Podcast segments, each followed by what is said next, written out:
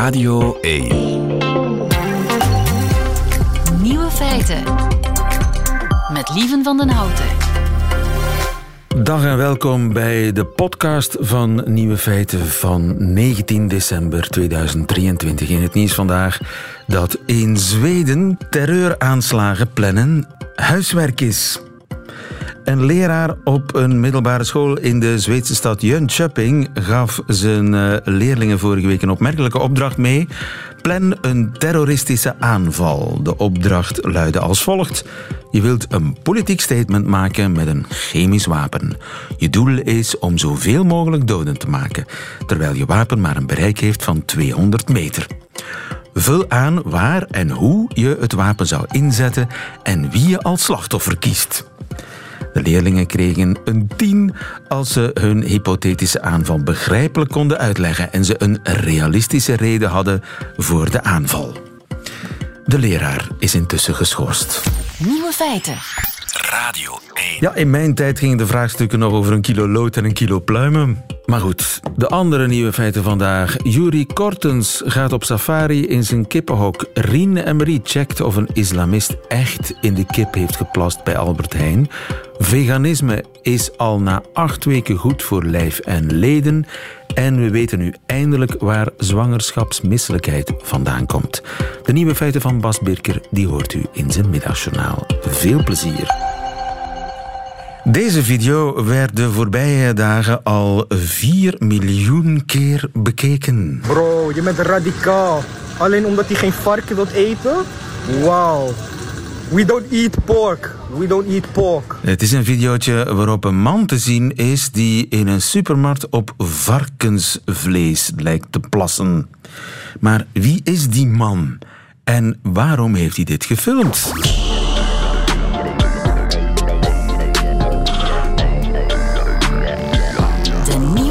Feitenchecker.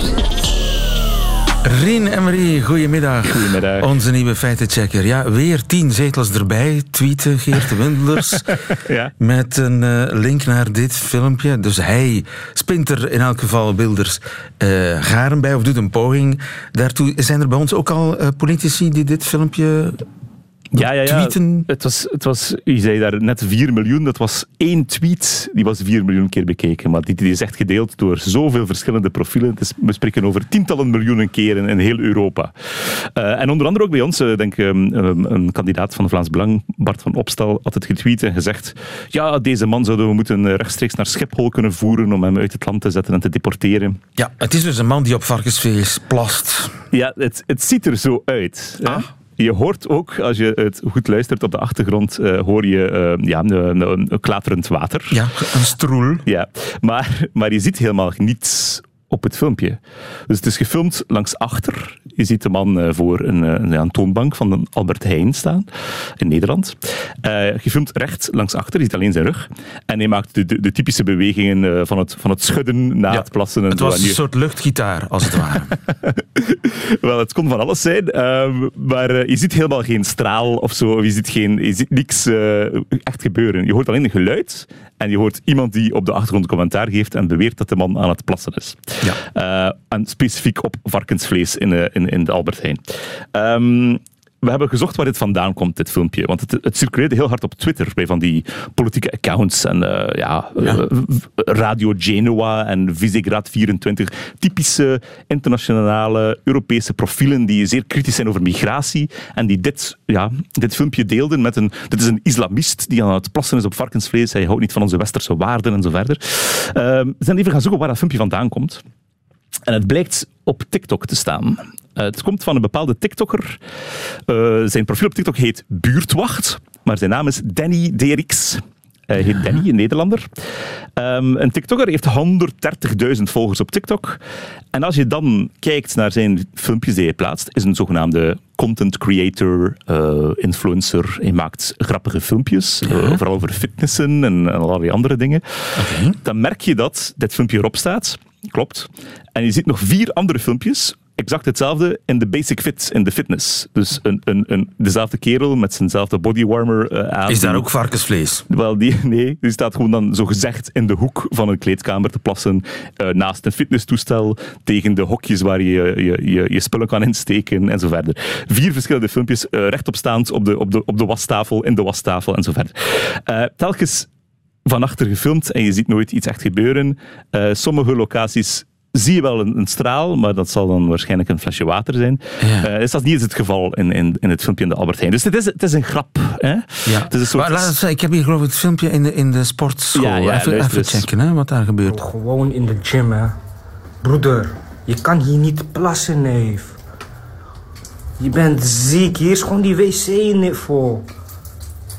Eh, Het is, gewoon, ja, eh pieshumor, zeg maar. Ja, ehm, zo eh, specifiek gemaakt om viraal te gaan en mensen die eeuw dat filmpje dan beginnen delen. En, en, um, om, en het is wel succesvol, want zijn vorige filmpjes haalden telkens wel tienduizenden, honderdduizenden views. Ja. Maar niet verzonken natuurlijk in het niets Ja. bij de situatie waar dat filmpje dan uit zijn grappencontext wordt gehaald. En beweerd wordt dat dit echt iemand is die om politieke redenen echt aan het plassen is in de Albert Heijn op varkensvlees. Dus dat was een, Maar hij is zelfs niet om politieke, om politieke redenen fake aan het plassen. Zelfs dat niet eigenlijk. Goh, eh, ja, je weet het niet echt. Eh, het is niet echt iemand, als je naar zijn andere content kijkt die hij maakt, veel politieke boodschappen deelt. Het gaat voornamelijk over zijn, zijn sixpack en wat je allemaal moet eten om die sixpack te krijgen. Eh, typische YouTube-filmpjes, ehm, ja, zoals we Acid en zo hebben bij ons. Ehm, ja, een beetje pipi, pipi humor eh erbovenop. Maar dus, ja, die, die filmpjes in de, in de basic fit, in de fitness, ja, daar- die gaan natuurlijk niet viraal bij politieke profielen op, Ja. eh, op, op, op Twitter. Maar Danny dat, Derricks. Danny Dericks, ja, zo heet hij. klinkt niet echt islamitisch. Wel, de persoon in de video in de Albert Heijn is ook niet Danny Dericks, maar een vriend van hem. Ehm, maar we weten zelfs niet, is die man moslim? Weten we ook niet. En zo verder. Dus het is, ehm, het is, het is puur als grap bedoeld. Ja. Ehm, En dus het is per ongeluk in politiek vaarwater terechtgekomen, denk jij? Eh, het is voornamelijk door, door de Nederlandse videosite Dumpert, een no- notoire, zeer lang gevestigde eh videosite die ja, controversiële content deelt, grappen, niet noodzakelijk duidelijk makend wat de context daarvan is, is het eh, op Twitter geplaatst en dan ja, geretweet door Geert Wilders, overgenomen door een soort krantje aan zeer invloedrijke Twitter-accounts die dat soort content delen, Ja. waar dan verhalen over verteld worden die helemaal niet kloppen. Ehm, en ja, het, het, het raakte een snaar bij mensen als dit zo echt geweest zijn. Want ja, niemand wil natuurlijk dat er op zijn boodschappen wordt eh, geplast. Ja. Maar dus dit is eigenlijk wat men zou kunnen noemen onbedoeld fake news. Ja, een van de, de, de meest courante context, een van de meest courante manieren waarop fake news gemaakt wordt, is een, een bepaalde video ehm, die, die echt is, zogezegd. Al wordt er hier natuurlijk niet echt geplast, maar die niet getruckeerd is, uit zijn context halen. Hè. Je haalt een video uit de context van een grapjesprofiel op, eh, op TikTok eh, en je deelt het alsof het een po- politiek statement is van, eh, van, van, van een persoon. dus iemand anders deelt dat dan. En heb je daar nog een voorbeeld van? Of? Ja, dat gebeurt eigenlijk constant. Ehm, Oh. Mensen, jongeren filmen zichzelf de hele tijd. Hè, willen graag influencer zijn op sociale media en zo verder. Dus je hebt in heel Europa allerlei jonge mensen die filmpjes maken de hele tijd. Pranks, hè, zoals dat heet. eh, grappen. Ehm, mensen reacties uitlokken van, van, van bijstanders die het niet verwachten. Eh, gekke dingen doen, chockerende dingen doen, chockerende dingen zeggen. Ehm, ja, om kliks te krijgen, om viraal te gaan, om bekendheid te krijgen, om, eh, en verder. Maar niet bedoeld om, om politieke boodschappen te brengen. En dat wordt dan ja, opgeslorpt in een soort politiek spel. Eh, gebeurt heel vaak. in het verleden is het al gebeurd dat van die grappenmakers in Frankrijk... eh, een bepaalde influencer maakte een filmpje waarbij hij de hele tijd aan een, aan een heel lang mes aan het likken was. En een dansje aan het doen was op zijn, op zijn, eh, op zijn terras. En dat was een, ehm, een pastiche van de recente gangster rap video's waarin ook de hele tijd aan messen wordt gelikt door stoerdoenende eh, rappers. En je wou ermee lachen. En dat filmpje is gedeeld door Sam van Rooij eh, alsof het ging om iemand die ons kwaad wou berokkenen. enfin, dat is een beetje hoe het gaat. En ehm, het is moeilijk om daar de context van terug te vinden van zo'n filmpjes. Ehm, en je ziet wat je ziet. En mensen zijn geneigd om te geloven wat ze zien. Juist. En als je dan nog eens klaterend water hoort, dan denk je dat er zeker iets aan de hand is. Eh, maar het is wel Context is alles, hè? Context is alles. En je moet je wel afvragen van... Dit wordt gedeeld, er staat iets opruiends boven. Ben ik wel aan het kijken naar wat echt... Is het echt gebeurd? En wat is de bedoeling van de mensen die het echt gemaakt hebben? Uh, dus als je zoiets tegenkomt, mag je het altijd sturen naar uh, check.vrt.be. En dan uh, checken wij het voor jullie. Check.vrt.be, want kerst of geen kerst, jij werkt gewoon door, hè? Rien en Marie, dank je maar toch een fijne kerst voor jou. En voor jou. Tot over, ja, drie weken ongeveer. Tot volgend jaar. Tot volgend jaar? Dat zei mijn grootmoeder ook altijd rond deze tijd van het jaar. Grappig, hè? Nieuwe feiten. Waarom zwangere vrouwen misselijk worden? Dat weten we nu. Isabel de Hane, goedemiddag. Goedemiddag. Gynaecoloog van het Universitair Ziekenhuis van Gent. Uh, ben ik te voortvarend? Weten we nu eindelijk hoe het komt waarom zwangere vrouwen misselijk worden? De resultaten zijn in ieder geval veelbelovend. Het is de eerste keer uh, dat we effectief iets vinden die de zwangerschapsmisselijkheid zou kunnen uh, verklaren. Dus dat is in ieder geval ja, goed dat we deze weg inslaan. Ja, gek hè dat we dat nog niet wisten. Ja, enerzijds ja en anderzijds ja, er zijn heel veel dingen in de in de geneeskunde waar we nog veel niet, uh, niet van weten. Maar, maar met de nieuwe ja, technologieën en onderzoeksmethoden die er zijn, denk ik dat we de komende jaren over veel steeds meer gaan uh, te weten komen. Ja, 80% van de zwangere vrouwen heeft er last van. Weten, hoe komt dat nu? Weet, dat weten we nu. Vertel eens, hoe komt het? Er is een bepaald eiwit dat um, meer aanwezig is bij zwangere vrouwen en waarbij dat men ziet dat ja, als die concentratie, de hoeveelheid van dat eiwit uh, gestegen is, dat dat misselijkheid uh, met zich meebrengt. Dat eiwit bindt op ja, bepaalde receptoren in de hersenen en zorgt er dan voor dat uh, vrouwen misselijk worden. En waar komt dat eiwit vandaan? Met name, we, hebben dit eiwit allemaal in ons. We hebben het genetisch materiaal van het eiwit allemaal in ons. Het kan bij iedereen stijgen bij bepaalde stresssituaties, maar niet in die mate dat het die misselijkheid, of toch niet altijd, zal veroorzaken. Maar bij de zwangere is het nu zo dat men gezien heeft dat het eigenlijk echt ja, het deel foetus, placenta is die dit eiwit ook uh, produceert, waardoor dat de concentraties zo hoog zijn dat er misselijkheid uh, ontstaat. Oké, okay, het is dus de foetus die ja, de smoking gun in handen heeft, bij wijze van spreken. Ja, inderdaad. Ja. Ja, dat is goed. Dat is geen goed nieuws, want je kunt moeilijk de, de foetus uh, gaan behandelen. nee, je kan wel iets aan het eiwit doen. Het is ook... Ah. Um, wel, misschien even terugkomen op de foetus. Eigenlijk is de foetus een beetje, als je het... Uh, historisch uh, ziet, of, of revolutionair uh, ziet, dan um, is de foetus zichzelf aan het beschermen. Hè? Doordat de mama uh, misselijk is, gaat ze minder neiging hebben om vroeger hè, in de natuur om, om bepaalde giftige stoffen of zo uh, op te nemen, om bepaalde voedingsstoffen te nemen die een infectie met zich mee zouden kunnen brengen, waardoor dat de foetus afgestoten wordt. Dus eigenlijk een soort van verdedigingsmechanisme van, uh, van de foetus. En nu kunnen, zou het natuurlijk ideaal zijn, moesten we kunnen inspelen op het eiwit om ja, de, de concentratie of de werking lager te maken of inspelen op de receptor. Hè. Het, uh, het, hetgene waar het eiwit moet op gaan inwerken, omdat, er, uh, omdat die misselijkheid uh, er komt. Dus dat zal zeker voer zijn voor verder onderzoek. Maar dus er zijn mogelijkheden nu om eventueel later, als het allemaal lukt, die zwangerschapsmisselijkheid eigenlijk de wereld uit te helpen. Ja, maar dat zal, vrees ik, wel nog iets van relatief lange termijn zijn. Dat dat er is, dat men vindt, ja, hoe gaan we uh, maken dat het eiwit minder actief is? Uh, en dan moet dat natuurlijk nog onderzocht worden, ook ja. uh, op, de, ja, op de mens. En die 20% zwangere vrouwen die niet misselijk wordt, hoe kan dat dan? Mogelijk doordat zij een genetische variant hebben, waardoor dat, dat, dat effect niet hetzelfde is. Of omdat ze eventueel al eerder aan het eiwit blootgesteld uh, geweest zijn.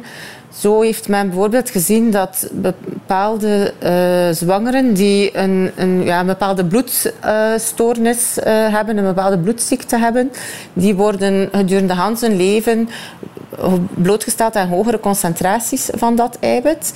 Um, en eigenlijk wordt je lichaam daar een beetje aan gewoon.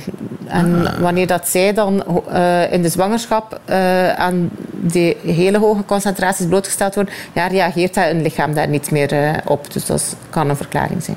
Oké, maar in ieder geval, het, het is een begin om een einde Zeker. te maken aan eh zwangerschapsmisselijkheid. Isabel de Hane, dankjewel. Goedemiddag.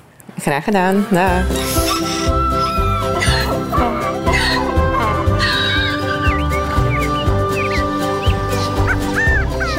Juri Buiten. Met Juri Kortens. Staat hij tussen het fluitenkruid? Zit hij kniehoog in een beekje? Ik ben benieuwd welk natuurgebied Juri Kortens vandaag is gaan opzoeken. Goedemiddag, Juri. Goedemiddag, goedemiddag. Juri, wat hoor ik op de achtergrond? Een prachtig natuurgebiedje, lief. Het zijn de kippen in de tuin. De kippen in je eigen tuin. Ja, ja, ja. Jij zit in het kippenhok. Juri Ik Kortens. In het kippenhok tussen de kippen en de haan. Inderdaad. Ja, En wa- wat gaan wij ontdekken over de kip dat we nog niet weten? ja, misschien weet je het wel, maar, maar ik kende de verklaring niet. En het- ik werd eigenlijk op het spoor gezet door een luisteraar, want die kwam een vraag af. Hè. Monique uit Oelegem, die stuurde mij... een, Monique uit eh, Oelegem Monique uit Oelegem. is een grote mij- fan van Juri Kortens. Zoals wij allemaal natuurlijk. Ja, en die stuurde dus een berichtje van... eh, kijk, ik, ik zie mijn kippen, en ook duiven zie ik dat soms doen, die gaan zo heel gek met hun hoofd vooruit en achteruit. Telkens Oh, ja. wanneer dat die stappen. Ja. Eh, en, en ja, dat, dat is heel komisch. En ja, natuurlijk, er zijn weinig andere vogels dat dat schijnbaar doen. Dus ja, hoe komt dat? En, Zoals een dat? dame hè, in een bontjas. Ja, zo ja, ja, ja, heel parmantig kunnen parmantig, stappen. dat is het. Ja, Ik, ik moet eerlijk zijn, dat, het is misschien een majesteitsschennis, maar ik heb die reportage over de koning gezien. De koning stapt ook een beetje zo. Ah, ja, dat Maar ook goed. kiekje zijn, hè? Oh, Oh, dat is- is majesteitsschennis. Dat is is majesteitsschennis. ja, maar goed, gelukkig ehm, is het live, dus kunnen we, kunnen we dit niet meer schrappen. Juri, terug naar je kippen. Wat voor Ja. kippen zijn het eigenlijk? Ja, ik heb, ik heb hele kleine kipjes. Het zijn Antwerpse paardkrielen. Eh, en nu is het even heel heftig in, de, in het kippenhok. Eh, maar dat zijn hele kleine kipjes. Niet veel groter dan een, eh, een houtduif. Dus echt Ja, ja. niet veel groter dan dat. Eh, en ze hebben zo'n volle baard. Zelfs de vrouwen hebben dat. Dus niet Ja, ja. alleen de haan, maar ook de vrouwtjes. En eh, doen die ook aan dat soort headbangen als ze stappen? Ja, ja, ja, die doen dat ook. Eigenlijk alle kippen doen dat. Eh, duiven doen dat. Eh, maar bijvoorbeeld ook, denk maar aan een, ehm, een spreeuw of een, eh, een ekster die rondstapt. Die doen dat ook. Eh, merels en mussen zo niet. Die, die hippen meer door de tuin. Eh, maar Die huppen echt, hè? Op, Ja, op ja, twee ja. pootjes, poem, poem, poem, poem, poem. Ja, ja, ja, van die kleine sprongetjes. Maar vogels die stappen, zoals dus ja, kraaien, kraaiachtige reigers bijvoorbeeld ook, daar zie je dat die met hun, voor, met hun hoofd zo vooruit en achteruit gaan. En dat is toch wel bijzonder. Ja, dus als vogels stappen, dan Mhm. doen ze rare dingen met hun hoofd. Als ze wippen, zoals vogels met kleine pootjes die wippen, poem, Nee. poem, poem, dan doen ze dat niet. Dan doen ze dat niet. Klopt, Hebben we enig inderdaad. idee waarom ze dat doen? Wel, mijn eerste gedachte zelf persoonlijk dacht ik van ja, waarschijnlijk gaan die kippen zich ook afvragen waarom wij met onze armen zwaaien wanneer dat wij wandelen. Evenwicht. Eh, evenwicht. Eh, maar dat blijkt niet te kloppen, want als je nu zo'n kip vastneemt en je stapt daarmee, dan is die perfect in evenwicht. Haar lichaam die doet niks, niks extra. En toch ga je zien dat dat hoofd heen en weer gaat gaan. Ehm, dus ook dan, wanneer dat, dat ze zelf die beweging niet maken, ook dan eh, doen ze dat. En als je ze bijvoorbeeld op een loopband zet, op loopband, waardoor dus ze beginnen stappen, maar de omgeving perfect eh, in, in balans blijft. Daar is iemand al mee bezig geweest Daar om, is iemand om al mee kippen op een bezig loopband te zetten. Ja, dat, is al, dat is al onderzoek van bijna 50 jaar oud zelfs. Dus dat is helemaal geen heel nieuw feit. Maar ze hebben dat dus gedaan. En dan blijkt dat zij hun hoofd gewoon stilhouden. Dus het heeft niks met evenwicht te maken, eh, maar wel met ja, visuele prikkels die ze moeten kunnen verwerken. Eh, en ja, ze moeten ergens een puntje zoeken waarop dat ze kunnen fixeren. Ergens een punt waarop dat hun hoofd blijft stilstaan. Maar dus op een loopband doen ze het ook, of juist niet? Nee, op een loopband, als je, als, als je ze op een loopband zet, dan houden ze hun hoofd helemaal stil.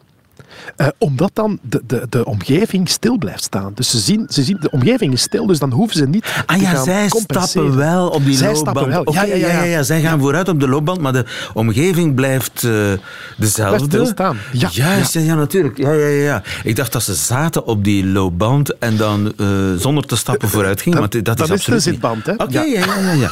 Ja, Oké, Oké, nu snap ik hem. Dus het is eigenlijk om hun visuele prikkels enigszins comfortabel te laten binnenkomen. Ja, ja, dat klopt. Als wij, wij mensen bijvoorbeeld, wij hebben ook als we bewegen, of als je heel snel beweegt, ja, je krijgt zo een, een waas. Je kan dat op een foto bijvoorbeeld zien. Hè, dat, dat je, als je een foto beweegt, dan krijg je een waas. En daardoor hebben we stabilisatoren in camera's gestoken. En wel, bij ons mensen en bij de meeste zoogdieren zitten die stabilisatoren ook gewoon in onze ogen. Die ogen die bewegen heel zachtjes heen en weer, zonder dat je dat eigenlijk ziet, omdat dat supersnel gaat en hele kleine bewegingen. Dus constant gaan we ja, bewegen met die ogen om te compenseren voor het feit dat, dat ons lichaam beweegt. Of En dat kippen wij kunnen dat niet. En kippen kunnen dat niet. Vogels die hebben hele grote ogen in hun kassen, relatief heel grote ogen. eh, En die kunnen niet bewegen. Dus ze moeten dat op een andere manier doen. En dat doen ze dus met, eh, ja, met die kopbeweging. en, ja, het, Het, het, zijn dus, het is een manier om te stabiliseren. Ja, Daar komt ja, het ja, ja. neer. En het lijkt dan wel misschien dat je zegt van ja, maar ze zijn aan het headbangen, dus ze stabiliseren helemaal niet. Maar dat is dan weer een optische illusie voor ons. Want wat er eigenlijk gebeurt, als je ze met een, eh, een, een hoge snelheidscamera gaat filmen bijvoorbeeld, dan ga je zien dat ze wanneer ze stappen eerst hun nek vooruit steken, dat ze dan hun hoofd op deze- dezelfde plaats houden, dus even een momentje waarop dat hoofd stil blijft staan, maar ze trekken hun lichaam bij. Dus wat er dan voor ons lijkt, is alsof dat, dat hoofd beweegt ten opzichte van het lichaam. Maar het is eigenlijk het lichaam dat beweegt naar het hoofd toe. En het hoofd staat heel even stil. Juist, het En dat lijkt alsof ze met hun hoofd heel erg bewegen, maar Ja. hun lichaam beweegt nog veel meer. Ja, ja, het is En eigenlijk dat hun hoofd blijft dat eigenlijk beweegt. redelijk stabiel. Ja, ja, ja. Ja, Ja, ja, ja, ja, ja, En ze doen dat heel regelmatig, dus, eh, of, of heel vaak per seconde zelfs. Dus dat gaat, dat gaat redelijk snel, waardoor ze echt wel ja, goede beelden krijgen van hun omgeving. Oké, prachtig. Hebben ze honger? Eh, ze hebben honger, maar het is weer aan het regenen. Dus het is een klein beetje zoeken tussen gaan we de comfortabele ruimte onder het kippenhok verlaten om in de regen toch te komen eten. Het is een beetje zoeken voor de kippen. Mag ik jou nog een fijne uiteinde wensen samen met je kippen? Dat mag zeker. En als Ja, er nog mensen zijn met vragen voor Jury, die zijn natuurlijk meer dan welkom, hè? Ja, die kunnen we altijd wel eens behandelen. Jury Kortes, dankjewel. En eh, tot over eh, drie weken eigenlijk. Tot over drie weken.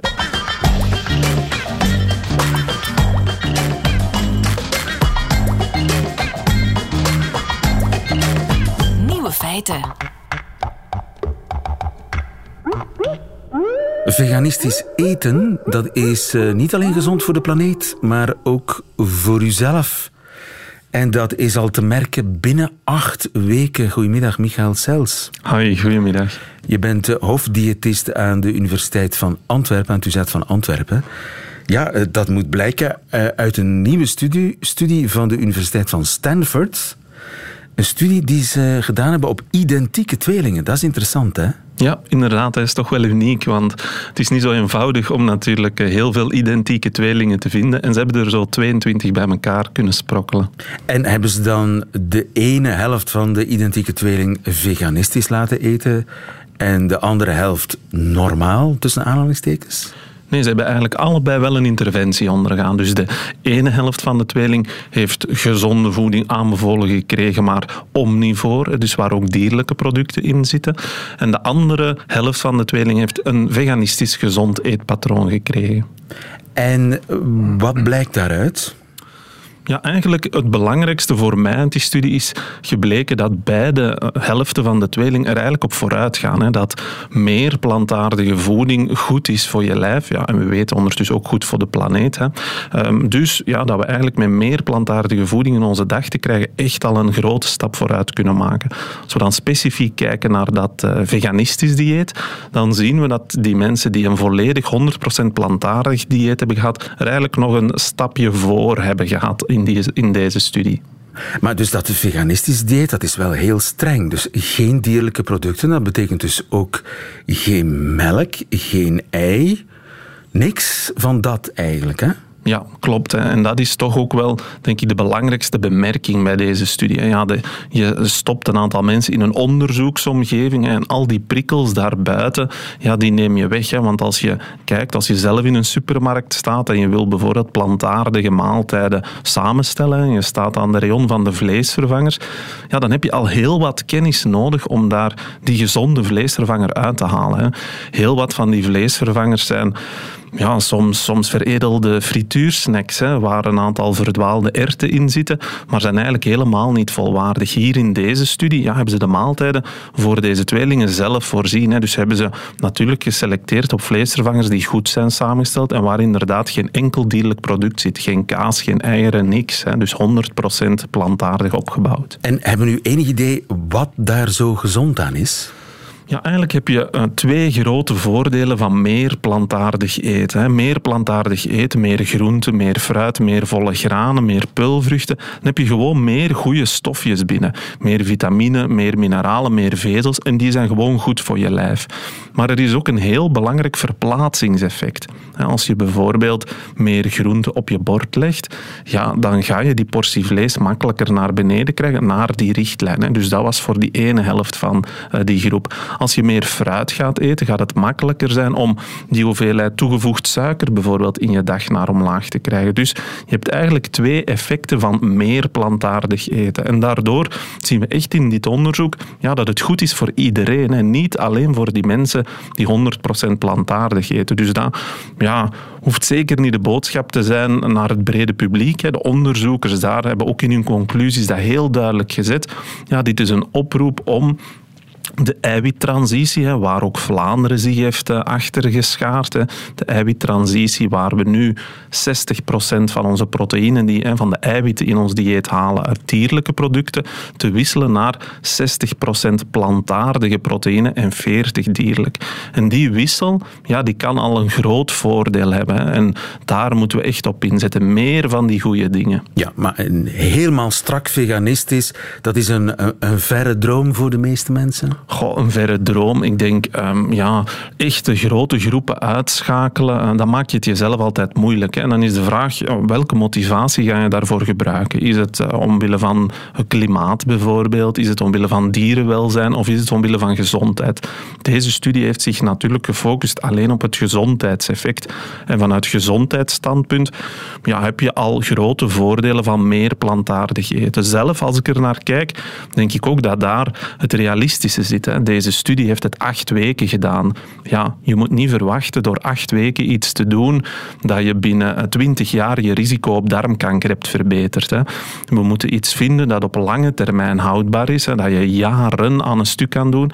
Dan is waarschijnlijk een gematigde aanpak van meer goede dingen, meer plantaardige voeding, wel iets haalbaar. Het is ook veel leuker om meer goede dingen te eten dan altijd te doen wat we eigenlijk al twintig jaar doen. Hè, is dingen schrappen, is minder vet, minder suiker, minder cholesterol, minder koolhydraten en in dit geval minder of zelfs geen dierlijke producten.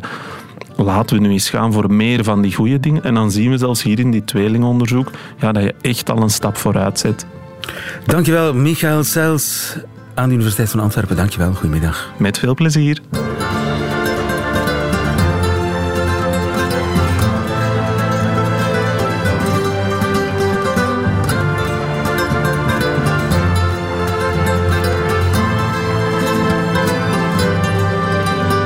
Ik heb nog een laatste nieuwe feit voor u.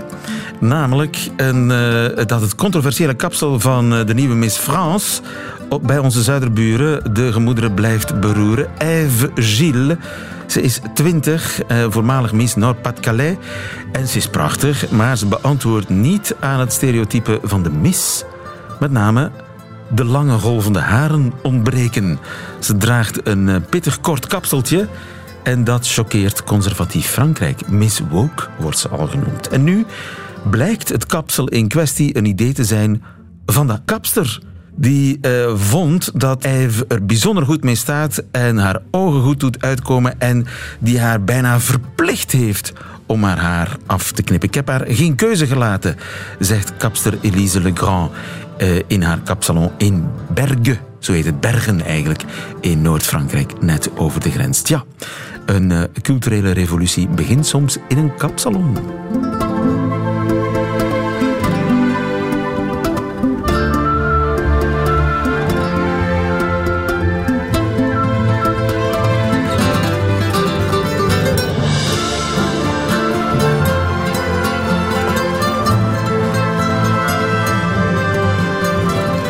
Ben heel benieuwd naar de culturele revolutie van uh, Bas Birker, de Nederbelg en stand-up comedian, deze week in zijn middagjournaal.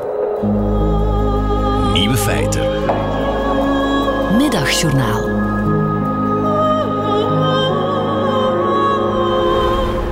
Liefste landgenoten. Zoals elk mens een unieke vingerafdruk heeft, zo heeft iedere duivenmelker zijn eigen kom, kom, kom, kom, kom, kom, kom, kom. En dankzij Joël Verschoot uit Engelmunster weten we nu hoe lang het duurt om die te perfectioneren. Elf jaar. Ik schrok nogal. Opgeteld bracht de man een vijfde van zijn werkzame leven door met vogels. Elf jaar lang kakscheppen in een blauwe stofjas, maar met succes Joël verkocht deze week zijn voltallige volière voor een dikke 400.000 euro. Voor mensen die moeite hebben met grote getallen, voor 4 ton koop je in Ingelmunster een duivenkot op een hectare grond met een zwembad en een garage en dan staat er in de tuin nog een woonhuis ook. Zo'n bedrag komt niet zomaar aanwaaien. Niet elke duivenmelker kan na zijn vogelpensioen gaan rentenieren. Sterker nog, het leeuwendeel moet in allerhande duivenlokalen leuren bij de concurrentie om hun vliegende vrienden voortaan te voeren. Maar niet Joël.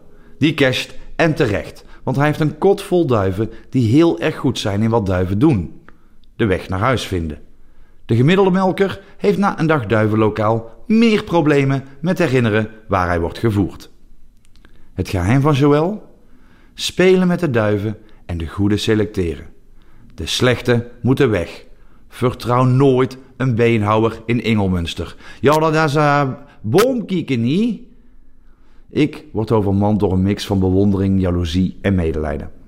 Het is fantastisch dat hij het al die jaren volhield. Ik wil ook wel vier ton om te vogelen, maar elf jaar fulltime kak wegschuren?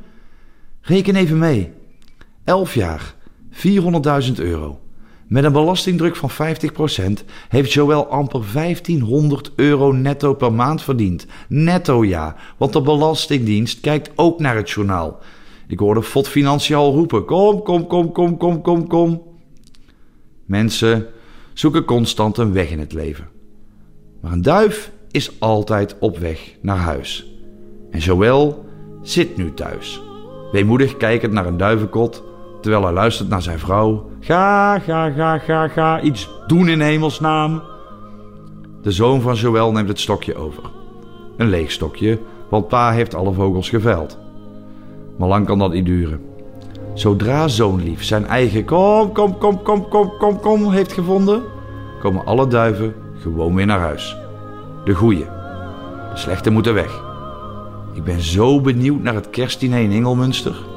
Ik gok oesters, champagne en uh, boomkieken?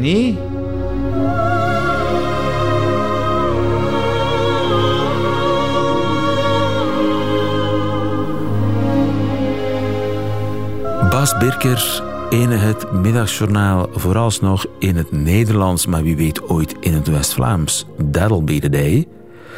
Einde van deze podcast. Hoort u liever de volledige nieuwe feiten met de muziek erbij? Dat kan natuurlijk elke werkdag live tussen 12 en 1 op Radio 1. Of uitgesteld via de app van VRT Max. Tot een volgende keer.